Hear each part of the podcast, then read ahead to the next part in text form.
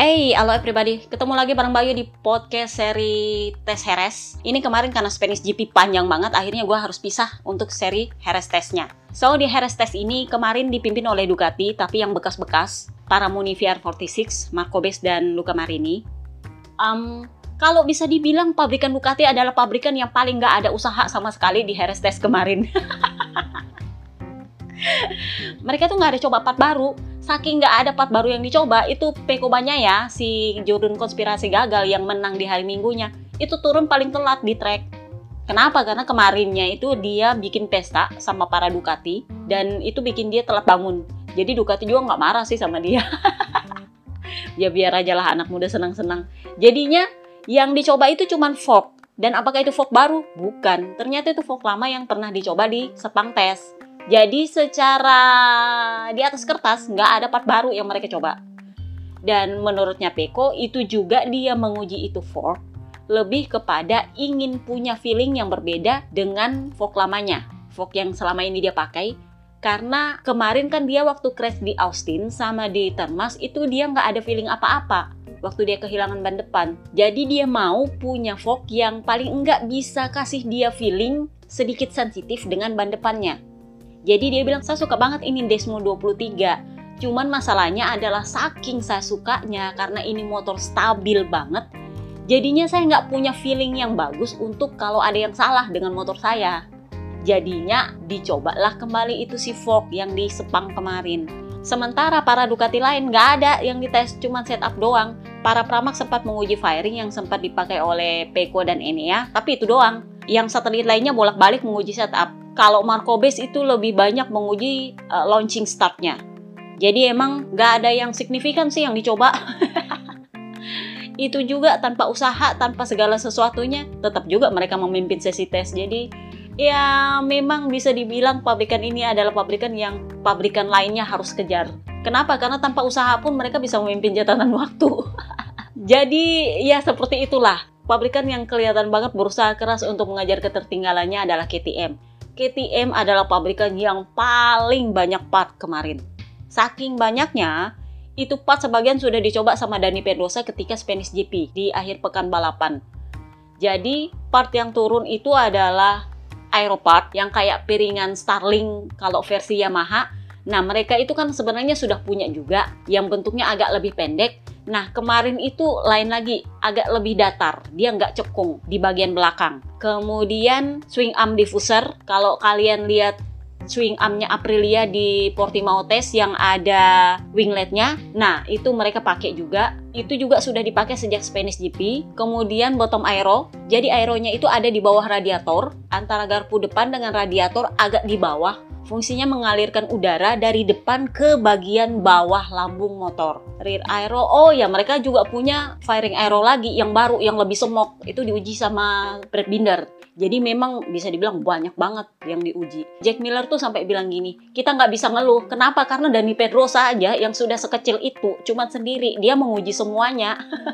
Jadi kita yang rider full time itu nggak boleh keluh Kenapa? Karena dia aja udah bisa menanggung semuanya, performanya aja masih bagus di track. Bayangkan dia udah pensiun berapa tahun coba. Masih aja bagus di track, apalagi kita yang sudah full time malu atuh mah. Jadi dia bilang, Dani Pedrosa saat ini adalah test rider terbaik di grid.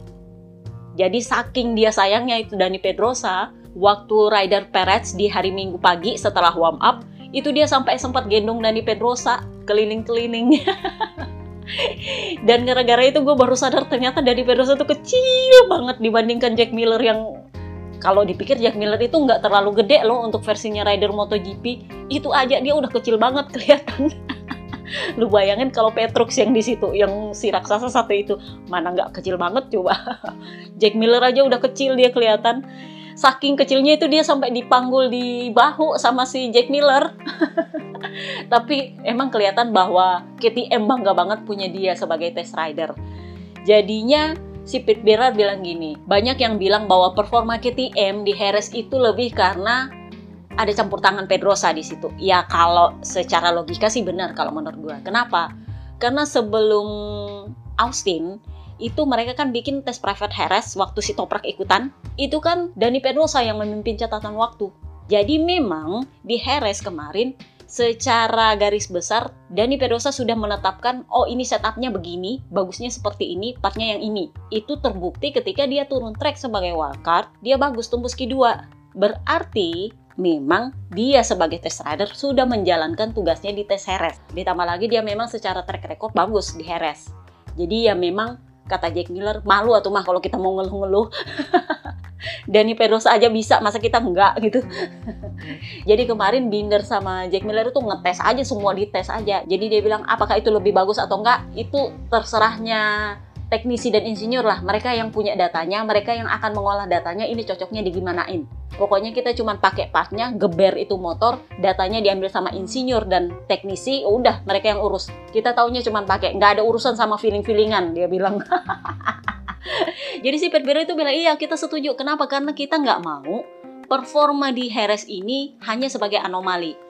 Kita mau kita punya performa yang sama stabilnya di sirkuit lain. Jadi nanti itu data yang diperoleh dari para kru dan teknisi itu akan diolah lagi oleh Bearer Institute yang mengurusi aeronya mereka, pengembangan aero mereka untuk dicocokkan ini kira-kira cocoknya turun di sirkuit mana. Ini cocoknya dipakai di setup apa. Kurang lebihnya sih seperti itu. Kenapa? Karena memang KTM musim ini adalah pabrikan yang paling jor-joran soal dana pengembangan. Jor-joran banget sampai mereka itu kerjasama dengan Red Bull F1 itu demi aerodinamis. Saking fokus banget untuk Jurdun. Jadi ya kita lihat nanti di Lemang mereka akan seperti apa. Apakah memang cuma anomali atau memang ternyata ini adalah dasar yang stabil untuk mereka berkembang di musim ini. Kemudian pabrikan lain yang kelihatan banget niatnya untuk memperbaiki diri adalah Honda. Jadi kita melihat niat mereka ya. Yang pertama paling niat untuk mengejar Ducati itu adalah KTM, yang kedua adalah Honda. Meskipun Honda sedang ditinggal oleh Mark Marquez, itu memang kelihatan bahwa mereka sedang mempersiapkan motornya, gimana caranya supaya motor ini siap ketika Mark Marquez turun track.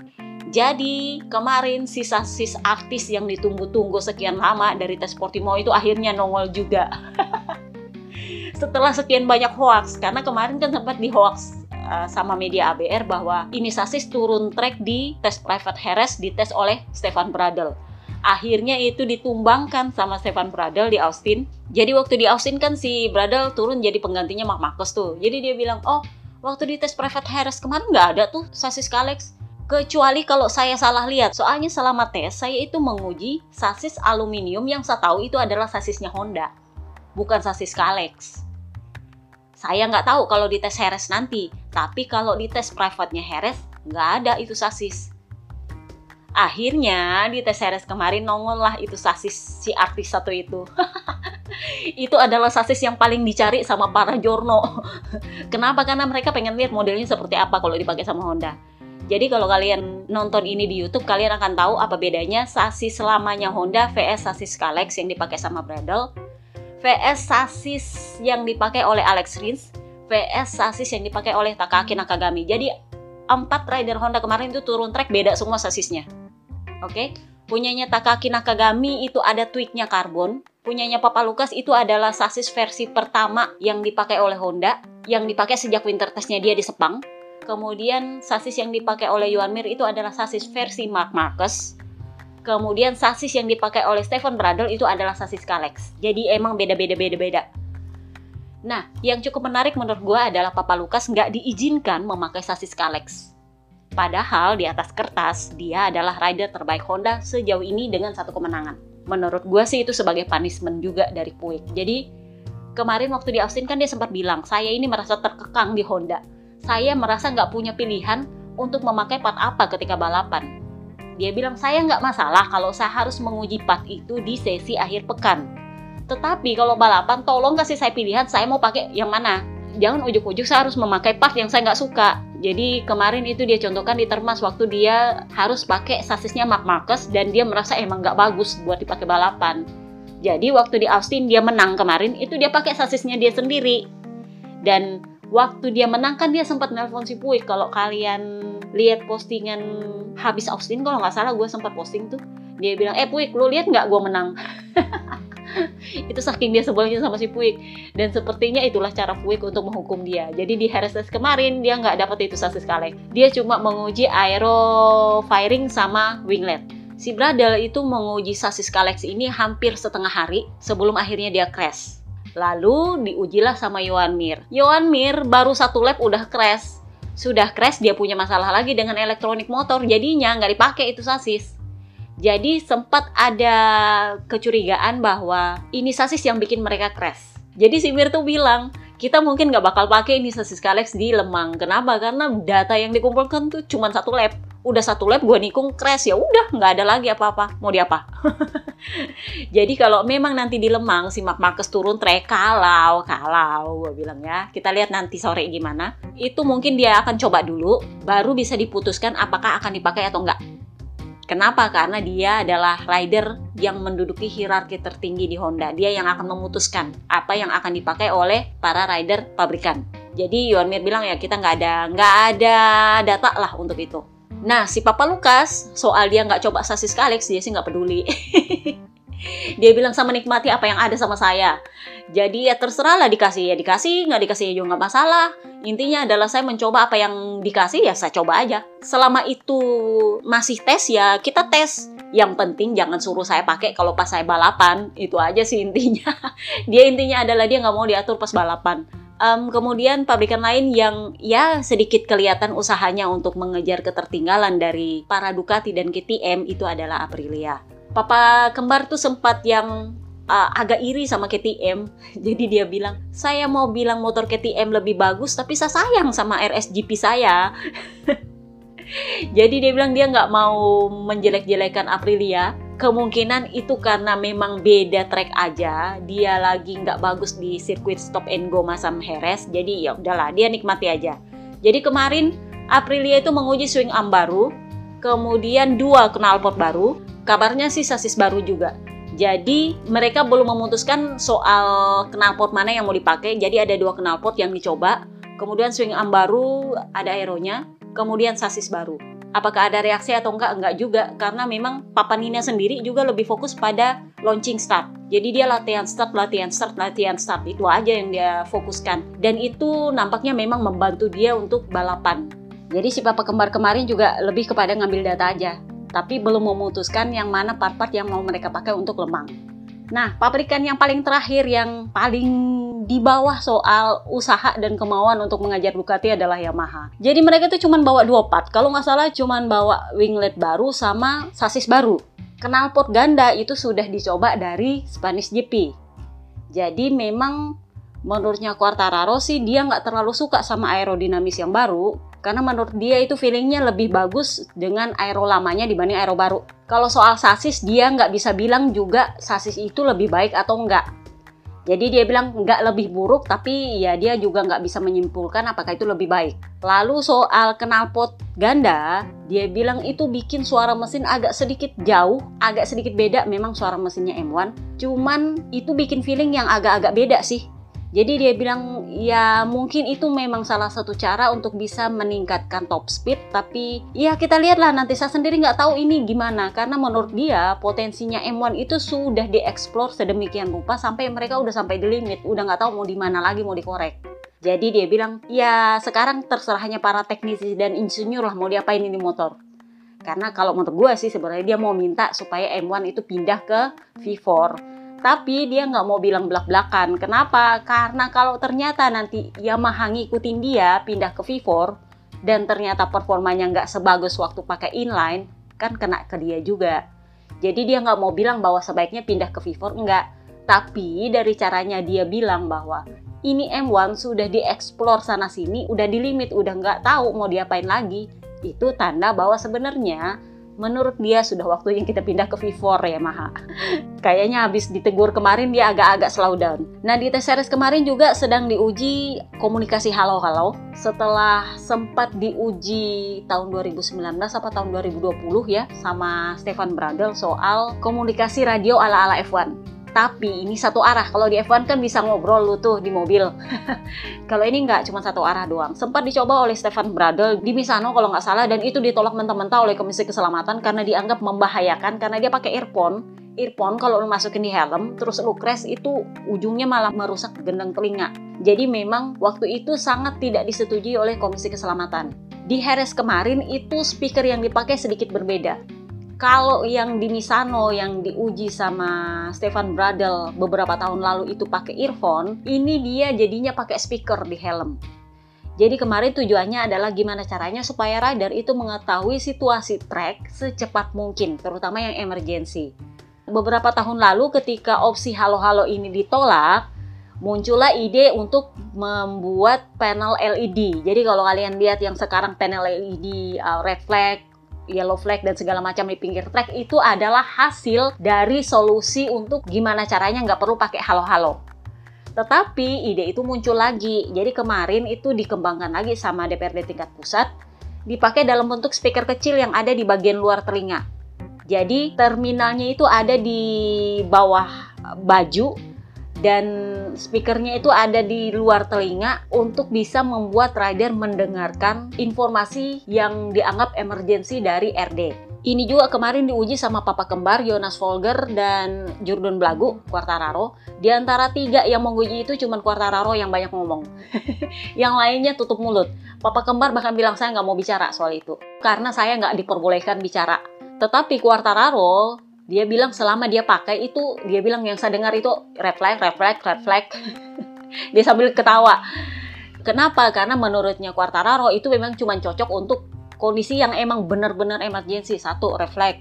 Dua, ada oli di track atau ada motor yang ridernya crash tertinggal di track atau ada part yang mengotori track yang akan dilewati. Jadi otomatis harus emergency sifatnya harus diumumkan. Tetapi Quartararo agak komplain soal desibel, soal volumenya. Jadi kan lu ngerti lah kalau orang lagi battle tiba-tiba nongol itu suara, suara goib gitu kan di telinga. itu jelas mengganggu konsentrasi. Kalau pakai earphone kan lu tahu oh iya ini karena gua pakai earphone. Ini kan karena dia speakernya di helm jadinya kan emang jadinya kayak suara goib gitu. Jadi dia maunya mungkin bisa diatur lah gimana caranya supaya nggak terlalu mengganggu. Ya mungkin dari suara goib jadinya bisikan goib gitu kan. Tapi ini juga sedikit nggak terlalu disetujui oleh para rider Ducati, Luca Marini dan Fabio Di Antonio. Kenapa? Karena menurut mereka gini, panel itu sudah cukup. Panel di dashboard yang soal LLP dan segala macam itu menurut dia itu cukup. Kenapa? Karena itu membuat rider bisa memilih kapan waktunya mereka untuk bisa melirik dashboardnya tanpa mengganggu konsentrasi. Jadi dia bilang, lu bayangin kalau kita lagi battle sama orang atau kita lagi manuver tiba-tiba nongol itu suara atau bisikan goib entah dari mana dan itu jelas mengganggu konsentrasi. Ya mungkin mau dibilang membahayakan ya mungkin belum tentu juga. Tapi jelas itu mengganggu konsentrasi juga karena ada kemungkinan delay jaringan. Katanya Quartararo itu kan masih prototype, masih perlu dikembangkan, belum mau dipakai tahun ini, mungkin tahun depan pun belum tentu dipakai. Jadi ya ya paling nggak ada masukan lah menurutnya Quartararo sih. Jack Miller sendiri bilang ya sebenarnya sebenarnya ada sisi di mana kita sampai nggak sempat untuk melihat dashboard, terutama kalau treknya adalah trek kecil dan kita sedang sibuk untuk battle di grup.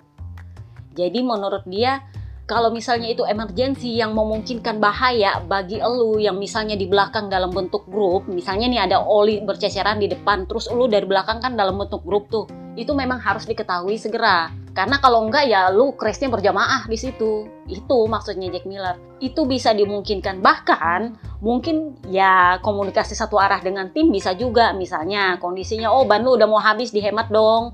Ya itu kan map tuh kalau di dashboard. Atau kalau misalnya uh, bensin lu udah mau habis pelan-pelan agak bingung juga sih bensin habis tapi ya ada kan kemarin beberapa kali bensinnya habis jadi memang kondisinya adalah uh, ini barang masih perlu dikembangkan Kemudian kemarin Piero Taramaso, Michelin, ban goib. Setelah kemarin Morbidelli itu agak menyinggung soal ban Michelin yang bikin para rider agresif di start, itu akhirnya mengatakan bahwa mereka sedang mempersiapkan ban depan baru untuk tahun 2025 yang tujuannya adalah untuk beradaptasi dengan aerodinamis. Jadi kan aero sekarang kan makin hari makin berkembang, makin berkembang. Gimana caranya supaya mereka bisa dapat grip dari ban? Nah, ban Michelin itu bikin terobosan baru gimana caranya mereka bisa beradaptasi dengan aero. Jadi gue tuh agak bingung kalau mereka bilang beradaptasi dengan aero, ini kayaknya aero bakal beradaptasi lagi dengan ban. Masalahnya kan aerodinamis itu fungsinya dibuat untuk mendapatkan grip lebih dari ban. Nah, kalau bannya ternyata beradaptasi lagi dengan aero kan lebih puyeng tuh aero. Ah, tapi ya begitulah, selalu ada bahan untuk diundi. nah, ban depan versi 2020-25 ini itu akan diuji oleh Stefan Gottoli tahun ini untuk nanti tahun 2024 diuji oleh para rider MotoGP. Jadi tahun 2025 mereka udah pakai. Jadi ya seperti itu tes Heres. Gosip lain yang beredar di sekitar tes Heres adalah soal Paul Espargaro. Jadi setelah beberapa bulan kemarin dirawat gara-gara crash di Portimao, akhirnya dia muncul ke publik untuk pertama kali dan dia bilang apa? Akhirnya gue bisa senyum lagi. Jadi waktu di Portimao kemarin kan dia itu patah rahang, memar paru, patah tulang belakang. Jadi dia bilang, ya paling enggak sekarang saya sudah bisa ngomong, sudah bisa senyum. Kenapa? Karena selama di rumah sakit itu rahang saya nggak bisa dibuka sama sekali. Makanya harus pakai selang. Itulah kenapa dia akhirnya kehilangan bobot sekitar 9-10 pon. Itu ya sekitar 12-15 kilo lah. Tapi ketika dia ditanya kapan dia akan turun trek, itu jadi masalah. Jadi dia bilang kayak gini, masalah saya ini belum selesai. Kenapa? Memang paru-paru udah kelar, rahang udah kelar, nah yang sisa adalah patah tulang belakang. Meskipun sebenarnya patah tulang belakang ini nggak terlalu sakit, nggak sesakit patah rahang, nggak semenderita patah rahang sih.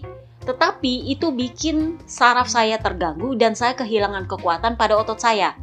Jadi dia itu mesti pakai korset untuk menegakkan badannya. Bayangkan untuk menegakkan badannya pun itu dia harus pakai korset. Jadi lu bayangkan nggak ada kekuatan sama sekali saraf dia. Jadi dia bilang untuk menggerakkan, mengangkat, menggerakkan tangan sih bisa, tapi mengangkat tangan itu sulit. Jadi dia bilang dia butuh rehabilitasi dan itu memang nggak murah dan tidak sebentar, tetapi dia percaya dia bisa sembuh. Nah ini yang jadi perkara Memang dia bakal diganti sama Jonas Forgar. Iya, tetapi sampai kapan? Nah, di Spanish GP kemarin itu beredar rumor dan isu soal Pedro Acosta minta naik pangkat ke MotoGP tahun depan.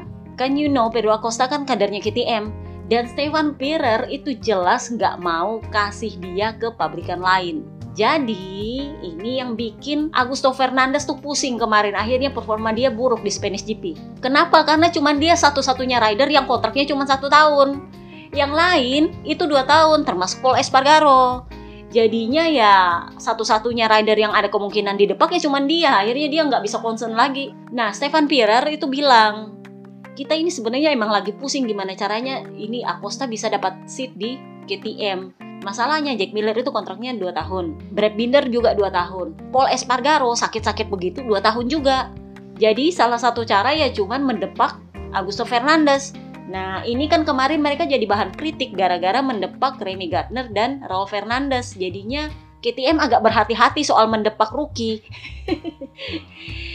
Kemarin sih si Stefan Berer itu ngambil jalan tengah. Dia bilang, e, aku kayaknya akan satu tahun lagi di Moto2 deh jadi mereka akan memberi kesempatan untuk Augusto Fernandes mencoba satu tahun lagi. Tetapi kalau menurut gosip sepoi-sepoi, mereka juga sedang menunggu perkembangannya Paul Espargaro.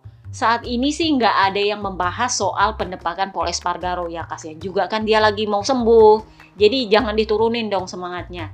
Tetapi gosipnya adalah mereka sedang melihat begitu Paul Espargaro turun trek seberapa bagus ini anak bisa seberapa bisa diharapkan performanya. Kalau enggak, mereka sedang menunggu kabar kapan Paul Espargaro memutuskan untuk menarik diri. Kenapa? Karena ini adalah perkara tulang belakang.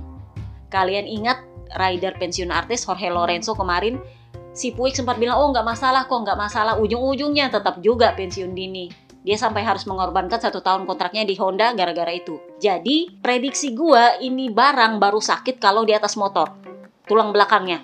Kenapa? Karena otomatis dia harus menahan badannya ketika merunduk di atas motor. Itu beda beban tulang ketika lu duduk tegak dengan lu harus merunduk di atas motor dan menikung. Itu beda bebannya. Jadi memang kalau menurut gua itu yang ditunggu oleh KTM. Mereka akan menunggu sampai Paul Espargaro kembali ke trek lalu melihat akan seperti apa dia. Kalau memang Paul Espargaro memutuskan menyerah, berarti otomatis tahun depan dia nggak membalap, Pedro Acosta bisa naik. Jadi memang Stefan Perer agak main aman di sini. Dia nggak mau menyinggung Paul Espargaro, tapi juga ingin tetap menjaga Pedro Acosta. Karena dia jelas nggak mau kasih sama pabrikan lain. Tapi mau ke pabrikan lain juga, mau ke mana coba? nggak ada seat, Bo. Susah. Jadi memang Pedro Acosta nggak bisa ke mana-mana selain ke KTM sekarang. Itu intinya. So, selain soal Paul, Enea Bastianini akhirnya mengumumkan bahwa dia nggak akan turun track di French GP. Danilo Petrucci, si Petrus akan menggantikan dia.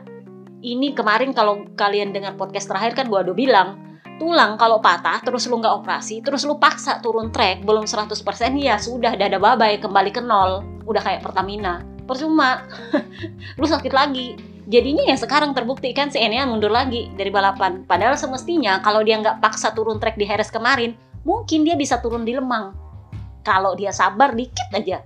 Cuman ya gitulah, dia kan orang yang nggak sabaran.